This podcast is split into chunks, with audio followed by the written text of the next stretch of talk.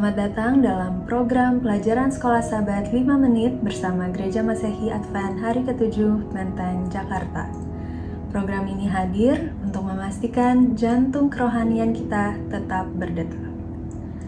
Pelajaran sekolah sahabat kita selama satu minggu ini berjudul Memahami Sifat Manusia, di mana saya akan merangkum secara singkat pelajaran hari Rabu hingga hari Jumat.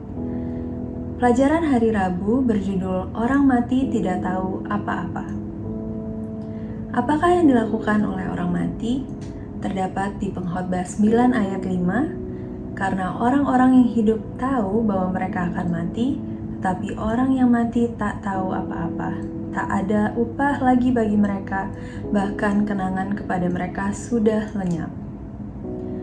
Apakah yang Alkitab ajarkan kepada kita tentang keadaan orang mati? Bisa kita lihat di ayat-ayat Alkitab berikut. Di Ayub 3 ayat 13 menyatakan bahwa mereka beristirahat dan mereka tertidur. Mazmur 115 ayat 17 menyatakan bahwa mereka tidak memuji Tuhan, mereka diam. Mazmur 146 ayat 4 menyatakan bahwa mereka tidak berpikir.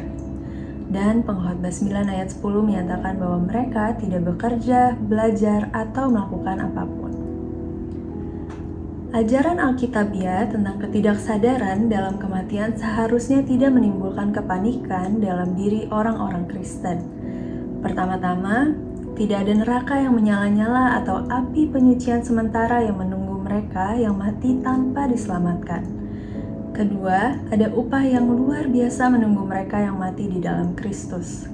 Tidak heran bahwa bagi orang percaya, kematian hanyalah merupakan suatu perkara kecil bagi orang Kristen, kematian hanyalah tidur saja, suatu saat ketenangan dan kegelapan. Hidup terlindung dengan Kristus dalam Allah, dan apabila Kristus yang adalah hidup kita menyatakan diri kelak, kamu pun akan menyatakan diri bersama dengan Dia dalam kemuliaan. Di dalam Yohanes 11 nyatakan bahwa Alkitab mengajarkan bahwa mati itu seperti tidur hanya suara Yesus yang akan membangunkan kita dari tidur ini. Di hari Kamis, dengan pelajaran yang berjudul Beristirahat bersama para leluhur, diambil dari 1 Raja-Raja 2 ayat 10, yang menyatakan, Kemudian Daud mendapat perhentian bersama-sama nenek moyangnya, dan ia dikuburkan di kota Daud. Ada ekspresi yang berbeda untuk menyinggung kematian dalam Alkitab di kejadian 25 ayat 8 menyatakan maka ia dikumpulkan kepada kaum leluhurnya dan juga mendapat perhentian bersama-sama nenek moyangnya.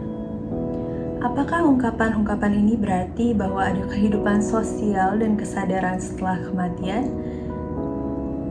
Daud mendapat perhentian bersama-sama nenek moyangnya, tetapi dia tidak naik ke surga. Ia tetap berada di dalam kuburnya sampai hari ini. Ungkapan yang sama digunakan untuk raja-raja lain, baik yang benar maupun yang jahat.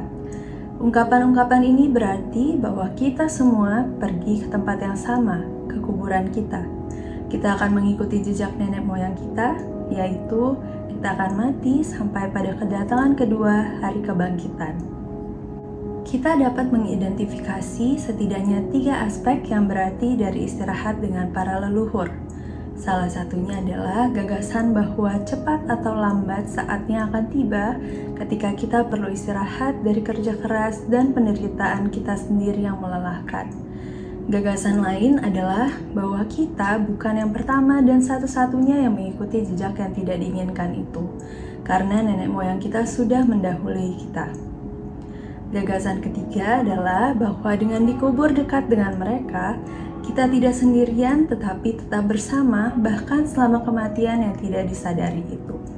Ini mungkin tidak masuk akal bagi beberapa budaya individualis modern, tetapi ini sangat berarti di zaman dahulu. Ellen G. White mengatakan di dalam bukunya The Great Controversy, Alkitab dengan jelas mengajarkan bahwa orang mati tidak langsung pergi ke surga, mereka digambarkan sebagai sedang tidur sampai hari kebangkitan. Pada hari itu, bila mana rantai perak diputuskan dan pelita emas dipecahkan, pikiran manusia binasa. Mereka yang turun ke dalam kubur berada dalam kesunyian. Mereka tidak lagi mengetahui sesuatu yang dilakukan di bawah matahari. Perhentian yang berbahagia bagi orang-orang yang benar-benar letih. Waktu lama atau singkat hanyalah sebentar bagi mereka.